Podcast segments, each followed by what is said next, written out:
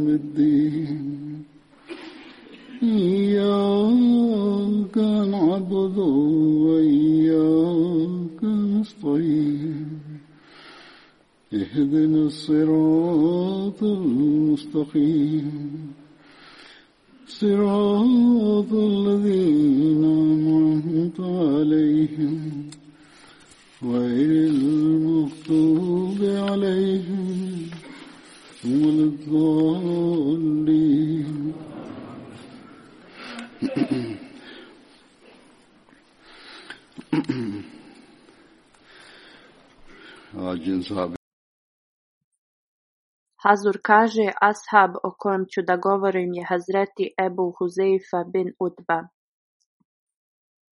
Njegova titula je bila Ebu Huzeifa. Imena Hushaim, Hašim, Kajs, Hisal, Isal i Miksam se također pripisuju njemu.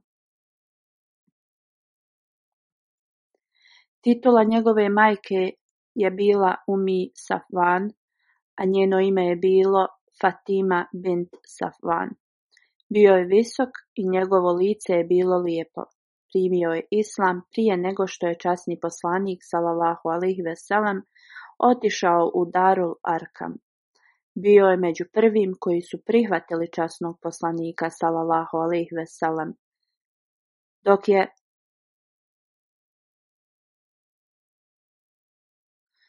Komentarisao u vezi ovoga Hazreti Mirza Bashir Ahmed Sahib je napisao da je Hazreti Huzeifa bin Utba bio iz Benu Umeja plemena. Njegov otac Utba bin Rabija je bio jedan od poglavica Kurejšija. Ebu Huzeifa je postao šehid u bici Jamama. Ovo je bila bitka protiv Musailma Kazab, u toku hilafeta Hazreti Ebu Bekra Allahu anhu. Hazreti Uzeif je učestvovao u oba dvije selitbe u Abesiniju i njegova supruga Hazreti Sahlah bint Suheil je također bila sa njim. Hazur kaže, već sam spominjao događaj u vezi seledbe u Abesiniju, dok sam govorio o drugom ashabu, zašto i kako se je dogodila ova seledba? Sad ću ukratko da spomenem neke detalje. Ove detalje ću spomenuti od Hazreti Mirza Bashir Ahmed Saheba, koji je napisao iz raznih historijskih knjiga i hadisa. On piše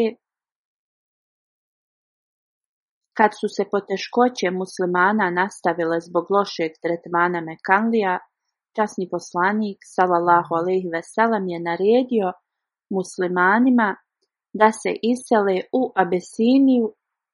Rekao im je da je kralj Abesinije pravedan i da niko nije pod progonom pod njegovom vladavinom. U to vrijeme jaka kršćanska suverenost je bila uspostavljena u Abesiniji. Kralja su zvali Nigus. Arabija je imala poslovne veze sa Abesinijom. U toku tog vremena kad su se migrirali u Abesiniju, personalno ime Nagusa je bilo Asham, As, On je bio ravnopravan i inteligentan kralj. U svakom slučaju kad je progon u Meki prešao sve mjere, poslanik sallallahu alejhi ve je naredio ashabima koji su u stanju da se presele u Abesiniju da idu prema instrukcijama poslanika sallallahu alejhi ve u mjesecu Redžep u peto u petoj hijretskoj godini 11 ljudi i četiri žene su otišli u Abesinu. Poznatija imena od njih su bila sljedeća. Hazreti Osman bin Afan i njegova supruga Rukeja bin Rasul, poslanikova kćerka, Abdurrahman bin Auf, Zubir bin Al-Awam, Ebu Huzeifa bin Udba, u vezi kojeg trenutno govorim, on je bio dio ove grupe, Usman bin Mazum, Musa bin Umir. Ebu Selma bin Ebu Esad i njegova supruga Umi Selima. Hazreti Mirza Bešir Ahmed Sahib piše, vrlo je čudno da većina prvih imigranata su bili bogati ljudi iz plemena Korejš, a siromašnih je bilo samo nekoliko. Ovo nam pokazuje dvije stvari. Prvo, i oni koji su bili bogati i pripadali Korejšijama nisu bili sačuvani lošeg tretmana prema njima. Drugo, siromašni i robovi su bili u takvoj situaciji da nisu mogli u to vrijeme ni da se presele. Putujući južno, ovi imigranti su stigli do mjesta Šajba na obali mora. Uz Allahovu pomoć tu je bio brod koji je bio spreman da otplovi prema Abesini. I oni su se svi ukrcali i bili su sigurni. Kad su stigli u Abesiniju, muslimani su našli mir i spas od progonjenja kurešija Poslije mnogo poteškoća i molitvi bili su spašeni.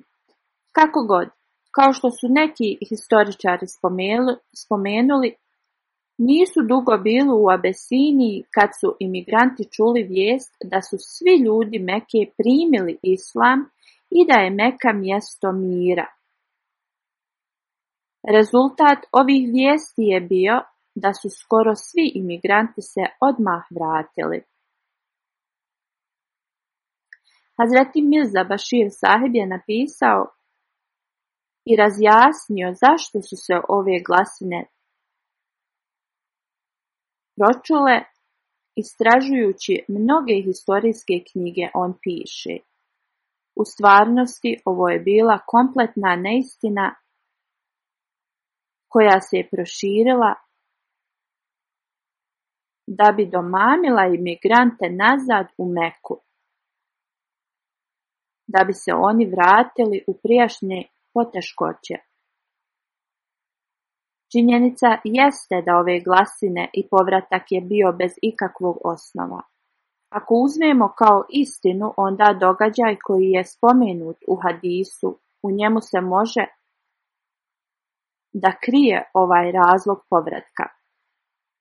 Kao što je spomenuto u hadisu, kad je jednom poslanik sallallahu alejhi ve učio ajete iz sure al kod Kabe, u to vrijeme mnoge poglavice nevjernika su bili prisutni sa muslimanima. Kad je poslanik sallallahu alejhi ve sellem proučio ovu suru, pao je na seždu i sa njim su svi muslimani i nevjernici su također pali na seždu sa njima. Razlog zašto su nevjernici pali na seždu nije spomenut u hadisu Izgleda da je poslanik sallallahu alejhi učio ove ajete o Allahu na takav način da su srca bila dotaknuta. Ovi ajeti govore o Allahovom jedinstvu, o Allahovoj moći i o Allahovom veličanstvu. I govore na vrlo poseban način i također govore o njegovoj milosti koju im je podario. Kurejšije su bili upozoreni na vrlo veličanstven i poseban način. U smislu, ako se ne reformišu, bit će im kraj kao prijašnjim nacijama, jer su odbili Božijeg poslanika. Na kraju ovih ajeta bilo je naređeno dođite i padnite na seždu Allahu. Poslije ovih ajeta, poslanik sallallahu alaihi veselam i svi muslimani su pali na seždu. Kao rezultat, ove riječi i ovaj prizor su imali veličanstveni utjecaj na Korešije, jer su i oni svi pali na seđdu nesvjesno. Hazreti Mirza Bashir Ahmed Sahib piše Ovo ne treba da bude iznenađujuće. Ljudsko srce u ovakvim situacijama uradi stvari koje su naprotiv naših principa. Zato možemo da budemo svjedoci da u nekim situacijama kad su jake poteškoće i nevolje, čak i ateisti kažu o Bože, o Bože ili o Ram, o Ram.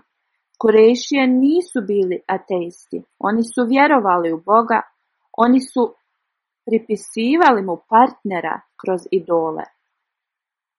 Ako pitamo neke ateiste ako je ime Božje došlo u njihov um u toku poteškoća i nevolja, možemo da vidimo da je ovo u istinu slučaj.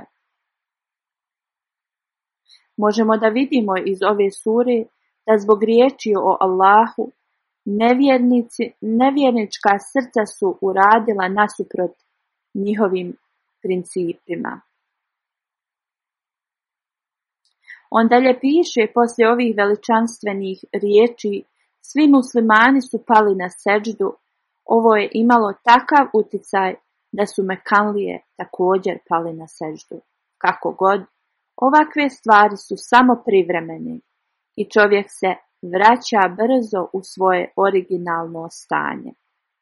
I ovdje je bila situacija kad su Korešije ustali sa sežde, oni su bili isti idolopoklonici kao i prije. U svakom slučaju ovaj događaj je takav koji je potvrđen iz autentičnog hadisa. Onda, ako je povratak imigranata iz Abesinije istina, Kurešije su ovo iskoristili da prošire glasine da su Mekanlije postali muslimani i da je Meka sad sigurno mjesto za muslimane. Kad su ove glasine stigle do imigranata u Abesiniju, bili su prirodno radosni da čuju ove vijesti i u sanju svoje radosti brzo su se vratili nazad u Meku. Kad su bili blizu Meke, saznali su pravu istinu, neki su u tajnosti, a neki pod zaštitom mekanskih vođa ušli u Meku, a neki su se odma vratili natrag. Onda, ako je bilo ikakve istine u glasinama da su Mekanlije postali muslimani, te glasine su potekle iz događaja kad su pali na seždu. Poslije proučenih ajeta iz Sure al ali Allah najbolje zna. Pošto se stanje pogoršavalo i Mekanlije su nastavili da progone muslimane, pod instrukcijama poslanika salalahu alejhi vesele, mnogi su počeli u tajnosti da se pripremaju za selidbu u Abesiniju. Počeli su da se iseljavaju u tajnosti kad god bi se pružila mogućnost. Selidba u Abesiniju se povećala, da broj iseljenika je bio sto, od kojih je osamnaest bilo žene. Vrlo malo muslimana je ostalo u Meki uz poslanika sallallahu alaihi sellem. Neki historičari su nazvali ovo druga migracija u Abesiniju. Isto kad je dozvola za migraciju u Medinu bila data Hazreti Ebu Huzeifa i Hazreti Salam, koji je bio njegov oslobođeni rob, oba dvojica su se preselili u Medinu. Prvo su se selili u Abesiniju, pa su se vratili. Oni su se također odselili u Medinu i boravili su u kući Abad bin Bishr Časni poslanik Sallallahu alejhi ve sellem je uspostavio bratstvo između Hazreti Huzeifa i Hazreti Abad bin Bishr. Hazreti Ebu Huzeifa je također učestvovao u ekspediciji Abdullaha bin Džahš. Ja ću da predstavim detalje ove ekspedicije kao što je spomenuto u Sirat Hatamu Nebi'in. Poglavica iz Meke, koji se zvao Kurz bin Džaber bin Fihri. Na vrlo podmukli način sa drugim Kurejšijama je došao blizu Medine oko tri milje udaljeno i pokrao je kamele koje su pripadale muslimanima. Čim je ovo časni poslanik sallallahu alejhi ve saznao, Postavio je Zaid bin Harsa kao emira, vođu, u njegovom odsustvu i krenuo je za njima u potjeru sa ashabima. Poslanik sallallahu alejhi ve sellem je išao za njima dok je stigao do mjesta Safvan. To je mjesto blizu Bedra, ali im je on pobjegao. Dalje piše ovo što je Kurz bin Džaber uradio nije bio čin običnog beduina. Nije ovo slučaj da je ovaj neznalica to uradio iz svoje puke oholosti. Radije ovo je uradio ispred Kurejšija sa posebnim ciljem. Viša je činjenica da je došao sa ciljem da naudi časnom poslaniku salallahu alih veselem, ali pošto je naišao na muslimane koji su bili oprezni, onda je ukrao njihove kamile. Ovo je ukazivalo da kurešije su želili da opljačkaju Medinu da bi uništili muslimane. Prirodno je da je ovaj njegov napad uplašio muslimane, pošto je stalna opasnost bila prisutna od mekanskih poglavica. Oni su uvijek bili spremni i planirali da napadnu Medinu i da unište muslimane. Muslimani su bili vrlo oprezni. Poslije ove situacije časni poslanik sallallahu alejhi ve je odlučio da se prati radnja i planovi Kurejšija izbliza. Da bi ovo bilo postignuto trebalo je postaviti neke korake da se nadgledaju njihovi planovi, tako da saznaju informacije o njima i da se stanje u Medini obezvijedi. Radi ovoga časni poslanik sallallahu alejhi ve sellem je izabrao osam muhađira koji su pripadali raznim plemenima iz Kurejša. Časni poslanik sallallahu alejhi ve je postavio svog rođaka sa očeve strane Abdullah bin Đahš kao vođu ove grupe. Huzeifa bin Udba je također bio prisutan u ovoj grupi.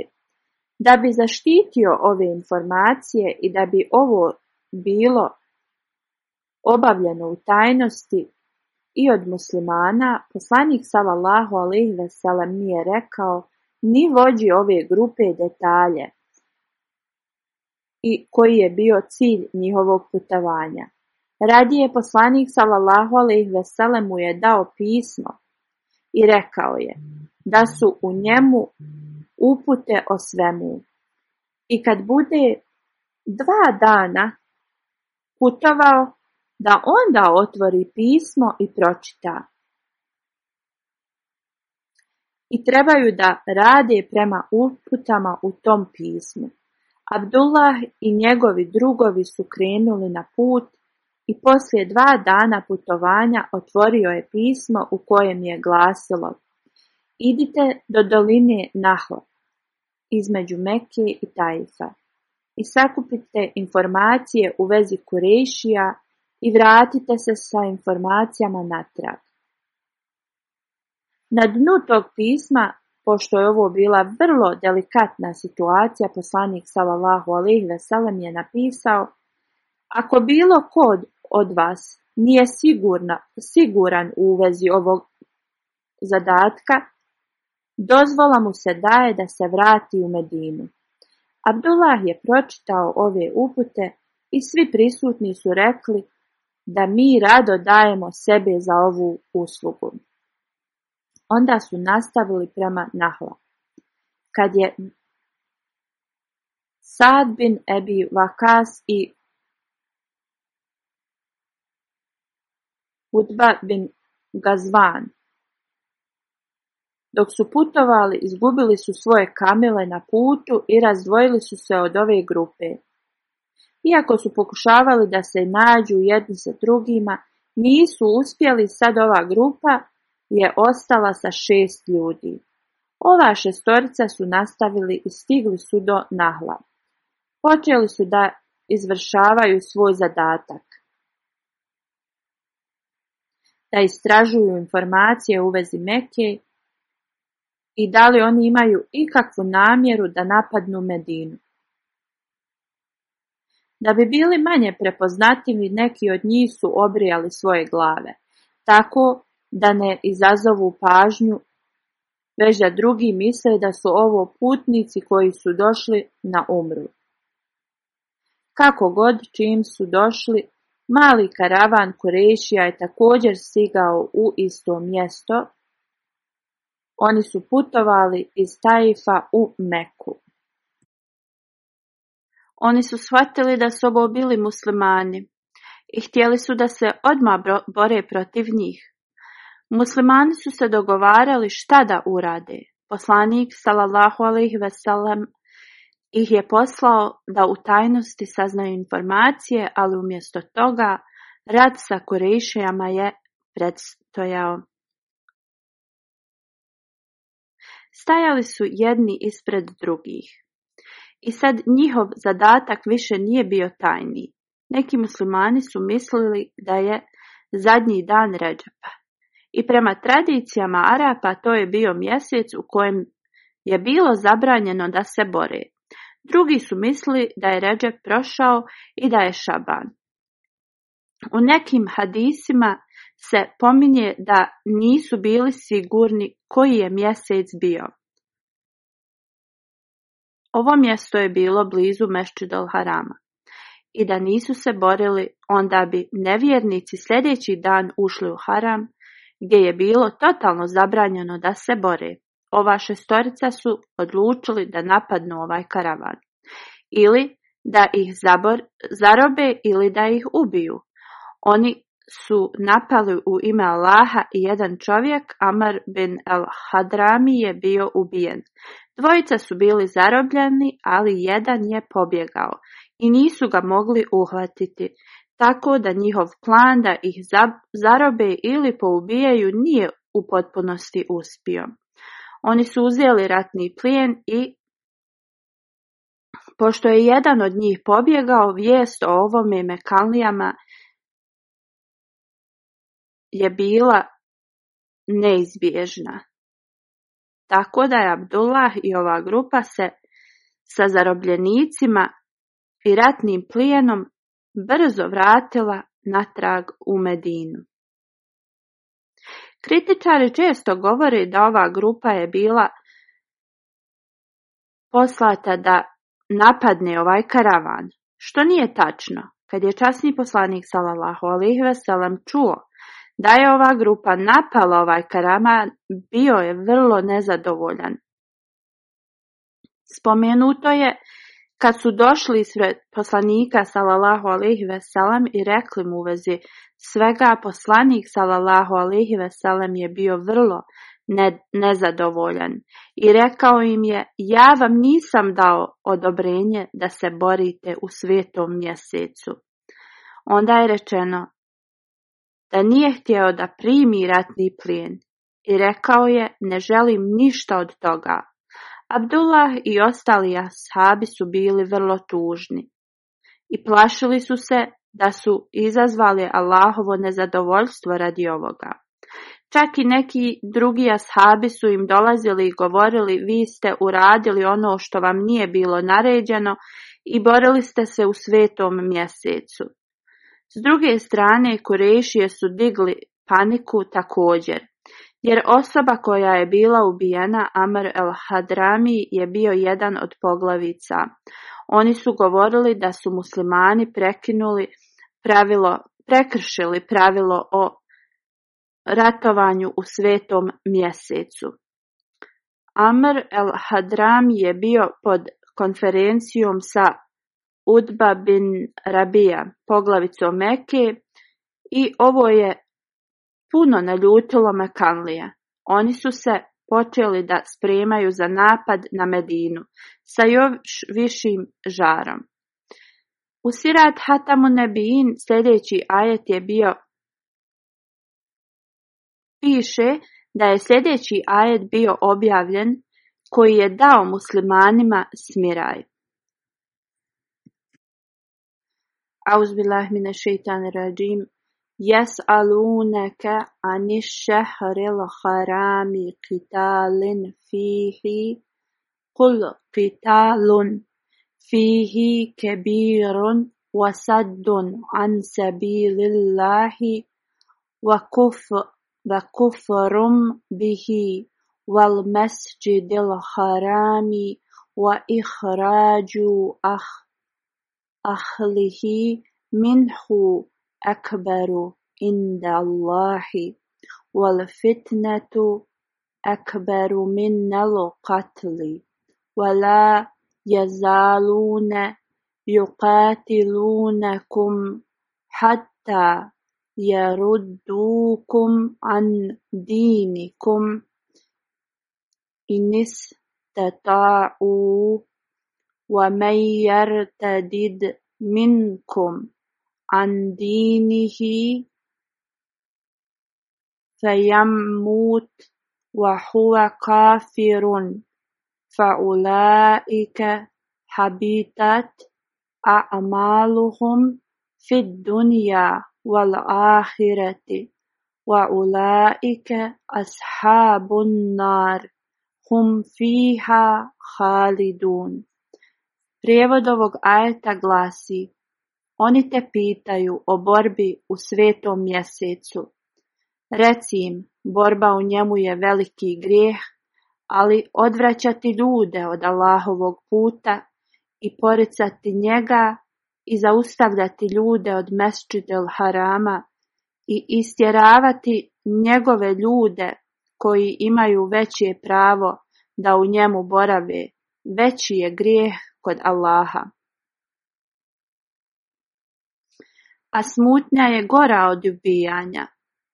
A oni neće prestati da se bore s vama dok vas ne odvrate od vaše vjere, ako mogu. Ako god se od vas odvrati od svoje vjere i umre kao nevjernik, bit će onaj čija će djela propasti na ovom svijetu i na budućem. To su ljudi koji su stanovnici vatre, i u njoj će dugo boraviti. Historija nam pokazuje da su Mekanlije u svetim mjesecima širili propagandu o ratu. Činjenica je da su oni iskorištavali priliku od onih koji su se skupljali i dolazili u Meku u toku ovih svetih mjeseci. Dalje bez da oni su mijenjali redoslijed svetih mjeseci koji je poznat kao nasi. Do pada Meke nastavili su da se ponašaju prema muslimanima na isti način. Radije prevršili su svaku mjeru. Hazreti Mirza Bashir Ahmed Sahib piše poslije su prešli sve mjere kad je ugovor sklopljen na Hudejbi, iako su ga oni sklopili s muslimanima, nevjernici iz Meke i njihovi suradnici su napali pleme koje je bilo pod ugovorom s muslimanima i to u mjestu Haram, onda bilo je prirodno da su muslimani našli utjehu u ovom ajetu koji je uzvišeni Allah objavio. Korejšije su došli u Medinu da traže da se oslobode ova dvojica koja su bila zarabljeni. Kako god, tad Sad bin Ebi i Utba nisu bili se vratili. Oni su izgubili svoje kamile i nije ih nigdje bilo.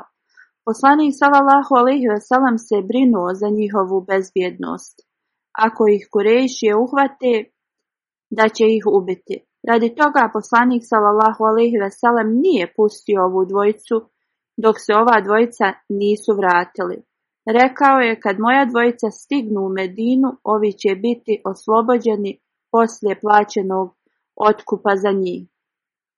Kad su se ova dvojica vratili u Medinu, poslanik sallallahu alejhi ve je pustio ovu dvojicu zarobljenika.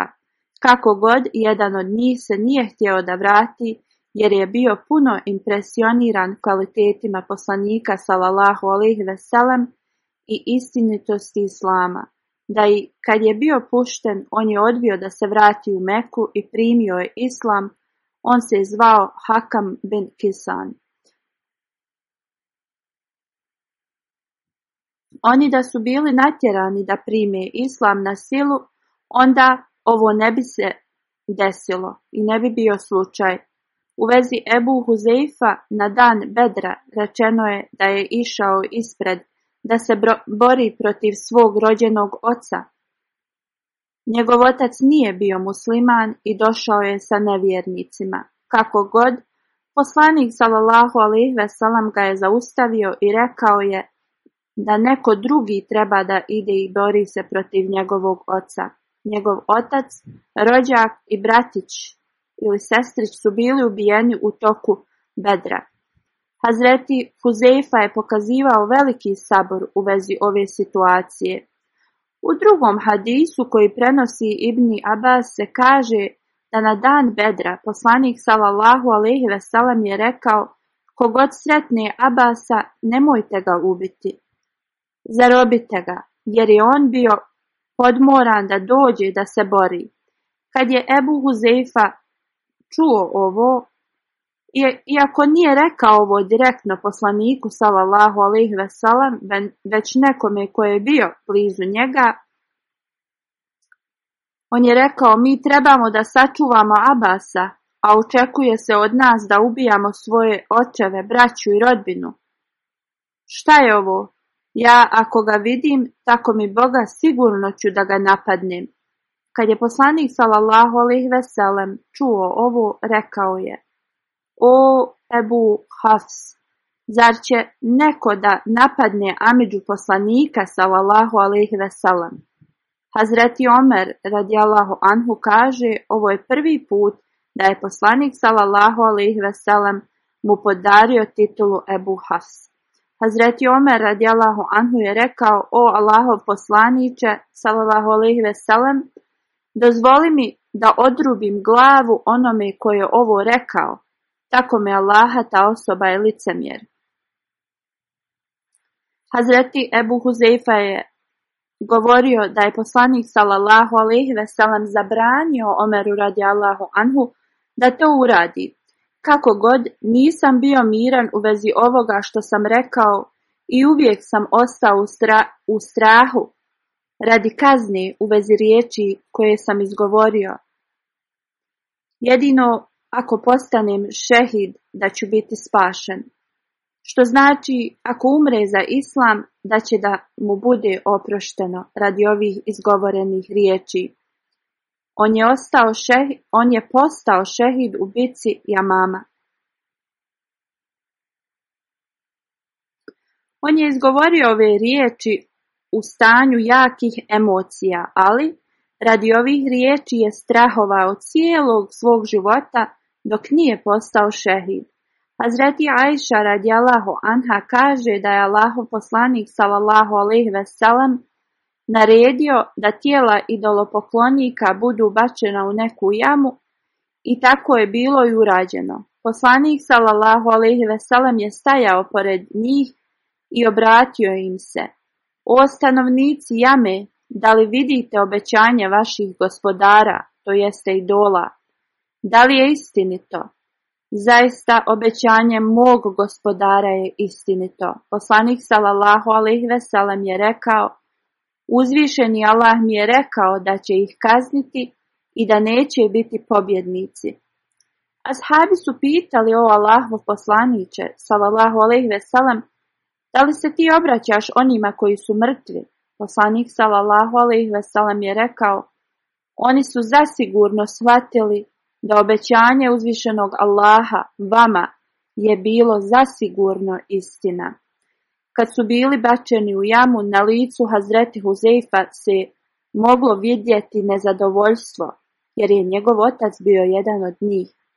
Poslanik sallallahu alejhi ve je rekao: "O Ebu Huzeifa, tako mi Allaha pokazuješ nezadovoljstvo prema ponašanju prema tvom ocu, Ebu Huzeifa radijalahu anhu je rekao, o Allahov poslaniće, kunim sa Allahom, da ja ne sumnjam u Allaha i njegovog poslanika, salallahu alaihi veselam, ali moj otac je bio uzdržan, iskren i osoba sa mudrim razumom. Šta god mislio da je bilo ispravno, držao se toga. Nije imao zle namjere, ja sam želio od Allaha da ga uputi na pravi put prije njegove smrti. Kad sam shvatio da ovo nije moguće i kad sam vidio njegov kraj, postao sam tužan. Kad je poslanik sallallahu alejhi ve sellem čuo ovo ove riječi od Ebu Huzejfe, on se je molio za njega. Hazreti Ebu Huzeifa je učestvovao u svim borbama uz časnog poslanika salallahu alihi veselam. Postao je šehid u svojoj 53. ili 54. godini života u bici Mama u toku hilafeta Ebu Bekra radijalahu anhu. Hazur kaže, sad ću da spomenem jednog pobožnog čovjeka koji je nedavno preminuo i koji je dao dug servis džamatu.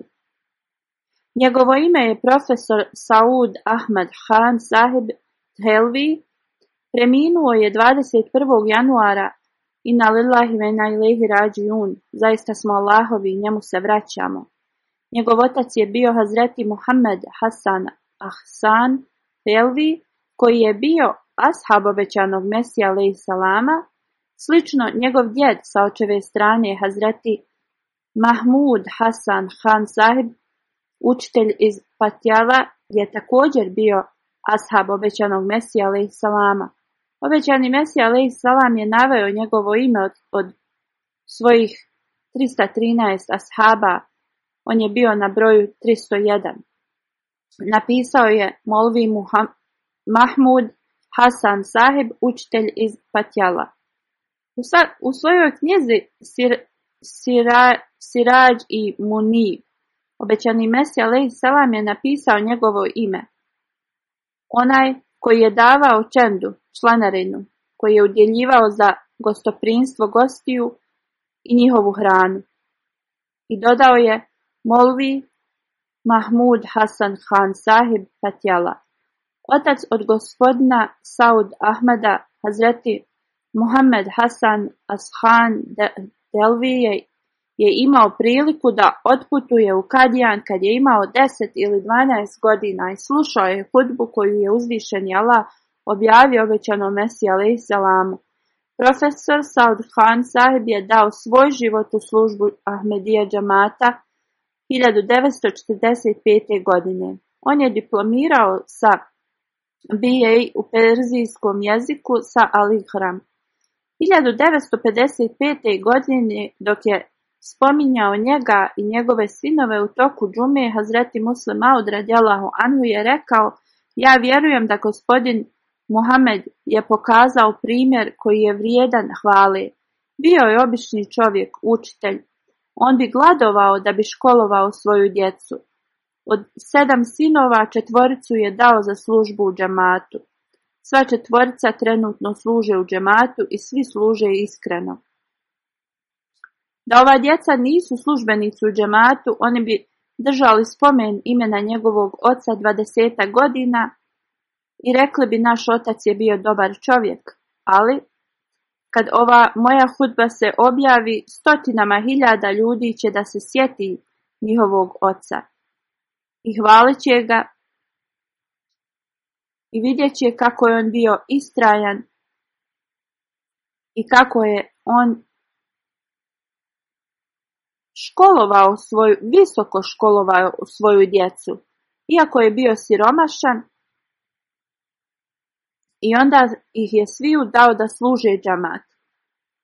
Od juna 1946. godine do oktobra 1949. godine South Camp Saib je Predavao u Talimul Islam srednjoj školi, od oktobra 1949. godine predavao je engleski jezik u džami Ahmedija. 1950. godine Hazreti Halifatul Mesih II. radjelahu anhu ga je poslao u Ganu, zapadna Afrika, da služi džamat. Služio je kao prvi zamjenik direktora u školi u Gani. 30. aprila 1950. godine krenuo je iz Karačija i stigao je u Kumasi 30. juna. Dva mjeseca je putovao, znači maj i juni mjesec. Hazur kaže na današnjici putovanja je 5 do 6 sati. 1. jula je počeo da predaje u Ahmedija školi. U vezi njegovog dugog putovanja njegov neđak piše kad je dobio zadatak da ide u Ganu, Saud Han Saibi je otputovao iz Rabbe i tri mjeseca je putovao do Gane. Putovanje je bilo otprilike dva mjeseca. U tim danima morali su da putuju brodom, da mijenjaju brodove, da bi stigli do određenog mjesta. 160 rupija je koštala njegova karta koja nije uključivala hranu. On je putovao ne samo sa brodom, već drugim prevoznim sredstvima. Onda je morao da proda svoje stvari da bi kupio avionsku kartu za Nigeriju. stvari koje su mu ostale, neke osnovne stvari, je zavezao u krpu i nosio je sa sobom. Misionarska kuća u Nigeriji mu je kupila kartu, autobusku kartu do Gane. Njegovo ime je na vrh liste za Tahrik i od osam misionara koji su poslani 1950. godine u istočnu i zapadnu Afriku i Holandiju. Prvo što je zapisano, Saud Khan Sahib je otputovao iz Lahora 25. avan 1329.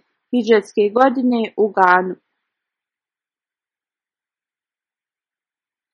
On se vratio u Pakistan 1958. godine prema instrukcijama Hazreti Muslimauda radijalahu anhu i tad je završio magistrat u historiji na Punjab univerzitetu. Njegov otac Muhammed Hasan Ashan Delvi sahib je preminuo u augustu 1955. godine, dok je on još boravio u Gani. 1961. bio je opet poslat u Ganu gdje je služio džamat na vrlo dobar način. U toku posjete Evropi Hazreti Halifatov Mesih III je dozvolio da se napravi skup u Mešćid Mubarek u Rabbi poslije svakog akšam namaza, gdje su se održavala predavanja 15 minuta u vezi moralnog treninga. Ovaj program je počeo 7. jula i postao je vrlo popularan zbog vrlo učevnih predavanja. South Saib je bio među učenjacima koji su davali ove govore u toku ovih programa.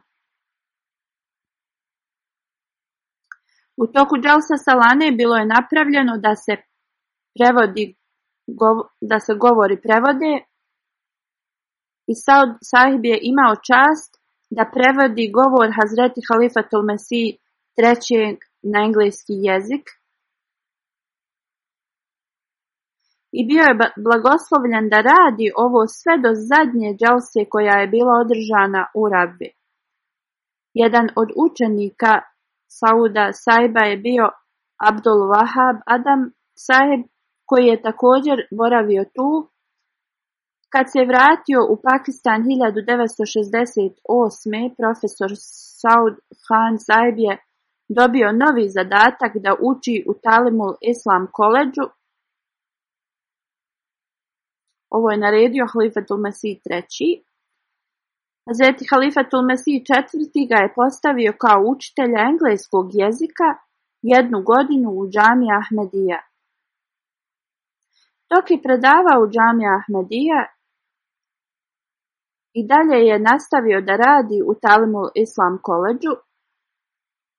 U džami Ahmedija je počeo da radi 2. marta 1987. Tu je služio jednu godinu.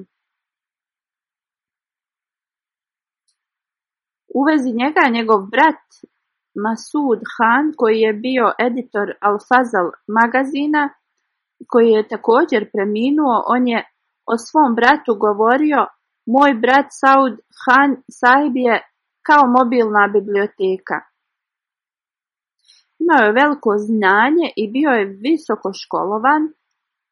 Njegova kćerka Rašida Sajba piše, moj otac je bio vrlo izdržljiva osoba i on je bio učenjak, bio je pobožan i regularan u tahadžud i, i redovnim namazima. On se puno brinuo o gostima.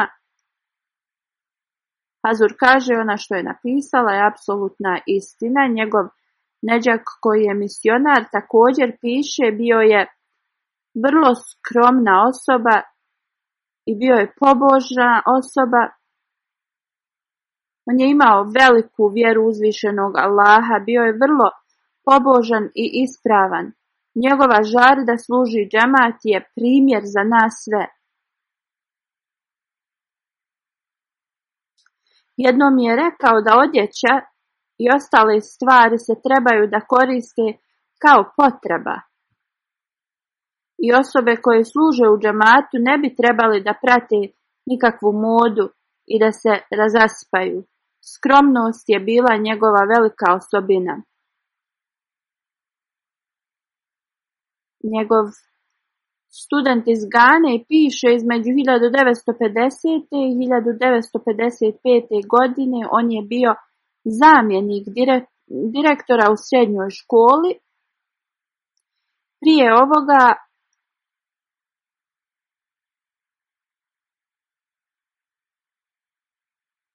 je bio drugi direktor.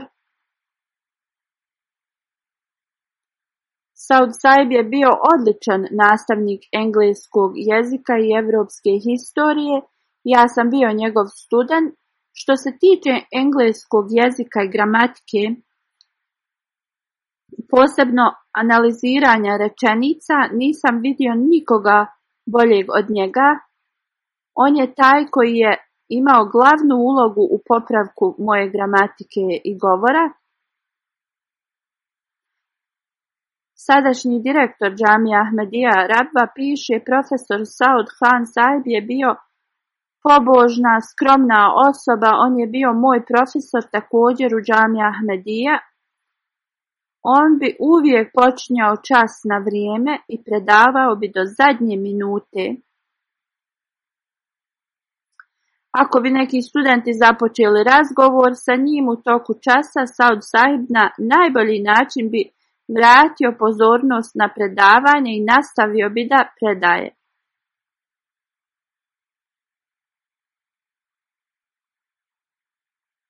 Primijetio sam da imao veliko poštovanje prema onima koji su dali svoj život za službu vjere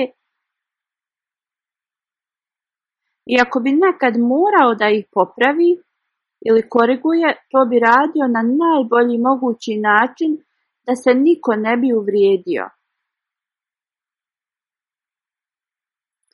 Kad je MTA tek započinjao programe, on bi pomagao u vezi ovih programa, u vezi siratu na bi tema, iako je i tad bio star najveću pažnju bi davao ovim programima i pripremao bi ove programe, zapisivao bi pitanja i odgovore koji bi se emitovali. Ako bi neka situacija bila u vezi programa zbog toga što su svi željeli da radi prema svojim planovima i prijedlozima, on bi uvijek bio vrlo strpljiv, nikad ne bi pokazivao ljutnju. Ako bi neko nekad rekao nešto što baš nije bilo prijatno, on bi pokazivao kao da te riječi nisu ni ušle u njegove uši.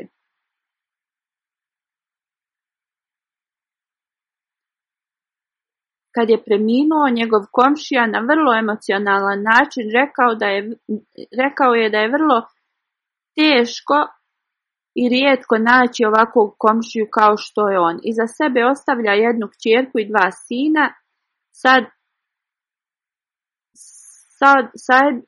njegov sin, služi kao, jedan od njegovih sinova služi kao lokalni predsjednik u jednom džematu u Velikoj Britaniji, da uzvišeni Allah poveća njegov status, kao što sam spomenuo ranije, njegovi kvaliteti su veći od ovoga što je spomenuto, da uzvišeni Allah podari i njegovim potomcima da nastave njegovim stopama i da uzvišeni Allah poveća njegov status poslije džuma namaza klanjat njegovu dženazu u odsustvu.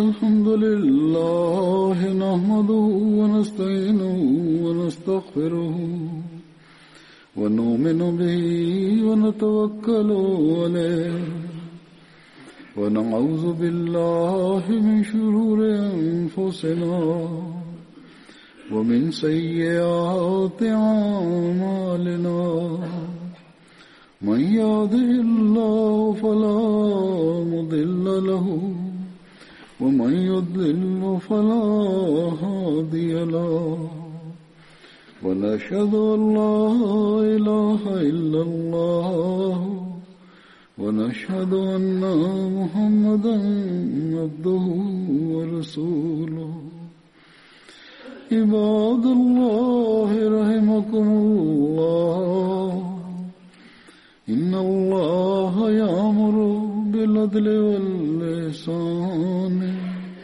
وإيتاء ذي القربى وينهى عن الفحشاء والمنكر والبغي يعظكم لعلكم تذكرون اذكروا الله يذكركم وادعوه يستجب لكم ولذكر الله أكبر